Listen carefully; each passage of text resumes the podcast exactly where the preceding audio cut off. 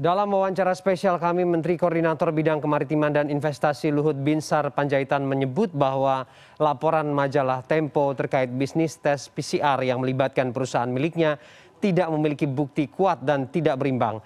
Kepada cnn indonesia tv pemimpin redaksi majalah tempo setri yasra menegaskan bahwa laporan majalah tempo terkait hal tersebut sudah memenuhi kaidah kaidah jurnalistik yang berlaku. Selain itu setri menyatakan bahwa yang menjadi sorotan majalah tempo adalah potensi konflik kepentingan yang ada di balik bisnis tes pcr yang kita concernnya itu bukan soal keuntungan.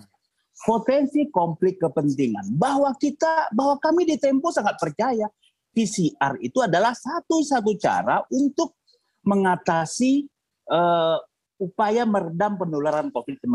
Sangat percaya. Kita tidak ada keraguan, tapi ayo dong pemerintah jangan beri ruang potensi konflik kepentingan. Kita juga berkirim surat kok meminta waktu wawancara ke semua orang. Berapa orang dapat wawancara menjawab dan dan tertulis dengan terang kok di di dalam apa di dalam laporan tersebut. Ke Pak Luhut itu mungkin sudah sudah berulang kali kami mengajukan surat permohonan wawancara, permintaan wawancara, tapi ya sampai saat ini kita belum dapat tapi ada juru bicaranya. Dan di, di, di laporan itu muncul kok